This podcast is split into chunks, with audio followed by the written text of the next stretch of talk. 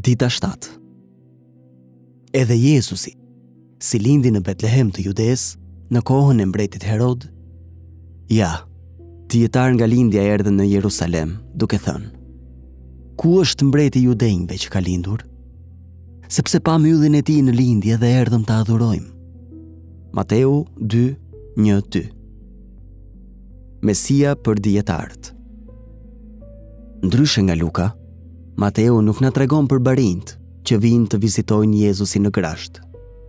Fokusi i tij shkon menjëherë te të huajt, johebrenjtë, jojudenjtë, të cilët vijnë nga lindja për të adhuruar Jezusin.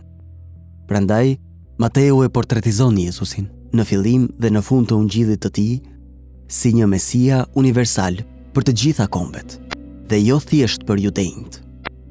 Në këtë rast, adhuruesit e parë janë magjistarë të oborrit mbretëror, astrologë ose njerëz të urtë jo nga Izraeli, por nga Lindja, ndoshta nga Babilonia. Ata ishin johebrenj të papastër sipas ligjeve ceremoniale të dhiatës së vjetër. Në fund të librit të Mateut, Fjalët e fundit të Jezusit janë: Mua më është dhënë çdo pushtet në qiell dhe në tokë.